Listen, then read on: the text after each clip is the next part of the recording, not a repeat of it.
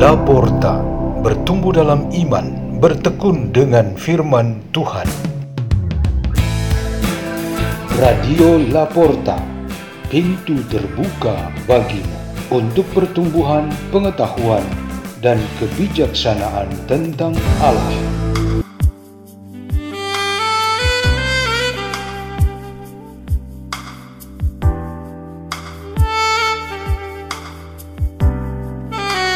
Bacaan dan Renungan Sabda Tuhan Hari Senin, Pekan kelima Prapaskah 27 Maret 2023 Dibawakan oleh Maria Olivia dari Paroki Kristus Raja Surabaya, Keuskupan Surabaya, Indonesia.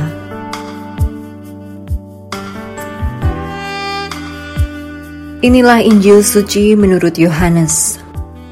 Sekali peristiwa Yesus pergi ke Bukit Zaitun, dan pagi-pagi benar ia berada lagi di bait Allah, dan seluruh rakyat datang kepadanya. Yesus duduk dan mengajar mereka. Maka ahli-ahli Taurat dan orang-orang Farisi membawa kepada Yesus seorang perempuan yang kedapatan berbuat zina. Mereka menempatkan perempuan itu di tengah-tengah lalu berkata kepada Yesus, "Rabi, perempuan ini tertangkap basah ketika ia sedang berbuat zina. Musa dalam hukum Taurat memerintahkan kita untuk melempari dengan batu perempuan-perempuan yang demikian. Apakah pendapatmu tentang hal itu? Mereka mengatakan hal itu untuk mencoba Yesus, supaya mereka memperoleh sesuatu untuk menyalahkannya. Tetapi Yesus membungkuk, lalu menulis di tanah dengan jarinya. Dan ketika mereka terus-menerus bertanya kepadanya, ia pun bangkit berdiri, lalu berkata kepada mereka, "Barang siapa di antara kamu tidak berdosa, hendaklah ia yang pertama melemparkan batu kepada perempuan itu." Lalu Yesus membungkuk pula dan menulis di tanah. Tetapi setelah mereka mendengar perkataan itu, pergilah mereka seorang demi seorang, mulai dari yang tertua Akhirnya tinggallah Yesus seorang diri dengan perempuan itu yang tetap di tempatnya. Lalu Yesus bangkit berdiri dan berkata kepadanya, "Hai perempuan, di manakah mereka? Tidak adakah seorang yang menghukum engkau?" Jawabnya, "Tidak ada, Tuhan." Lalu kata Yesus, "Aku pun tidak menghukum engkau. Pergilah dan jangan berbuat dosa lagi mulai dari sekarang." Demikianlah sabda Tuhan.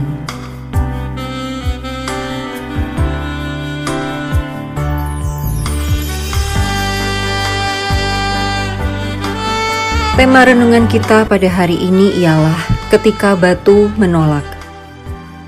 Yudi seorang remaja nakal dan bandel namun pintar.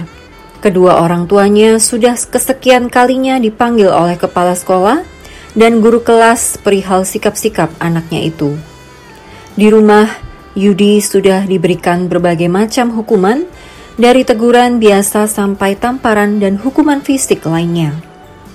Di antara semua hukuman itu, yang paling Yudi hindari ialah pukulan ayahnya dengan memakai potongan kayu atau lemparan benda yang saat itu pas ada di tangannya. Di sini kecerdikan Yudi berfungsi untuk menyelamatkan dirinya dari hukuman ayahnya. Kayu dan benda yang selalu ayahnya pakai untuk memukulnya, ia sembunyikan. Yudi lakukan itu khususnya pada waktu hendak sengaja berbuat nakal, ia lebih dahulu menyembunyikannya. Hasilnya, pada saat ayah nekat akan menghukumnya, potongan kayu sudah tidak ada di tempatnya batu dan barang-barang lain yang mudah untuk dipakai tidak ditemukan lagi. Sang ayah kemudian mengalah. Ia merasa seperti menjadi orang yang tidak kuat lagi. Ia harus berpikir lagi bahwa pada akhirnya batu dan kayu atau benda menolak untuk dipakai dalam menghukum anaknya. Ia harus menemukan cara lain yang pasti menurut ilmu pendidikan lebih efektif ketika koreksi dan perbaikan hendak dilakukan. Hal ini sangat menyinggung secara umum pendekatan represif atau kekerasan dalam cara kita menyelesaikan permasalahan di dalam hidup.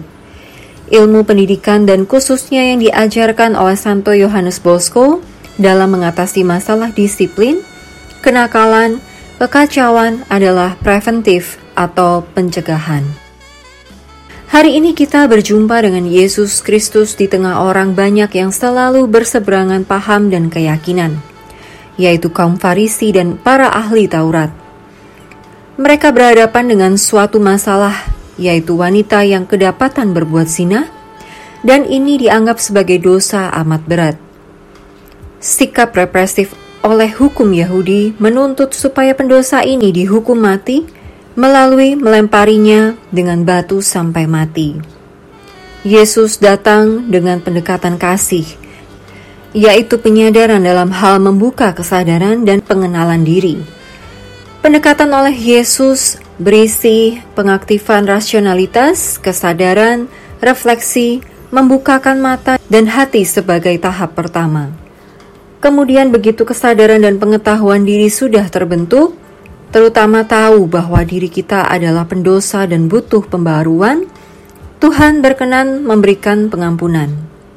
Proses itu yang dialami wanita pendosa yang dikisahkan di dalam Injil tadi. Kekuatan cinta kasih yang dibawa oleh Tuhan Yesus mampu menghilangkan penggunaan batu, kayu, atau benda lain sebagai instrumen untuk menciptakan kebaikan, keadilan, dan damai. Kita harus mengikuti kekuatan tersebut Marilah kita berdoa.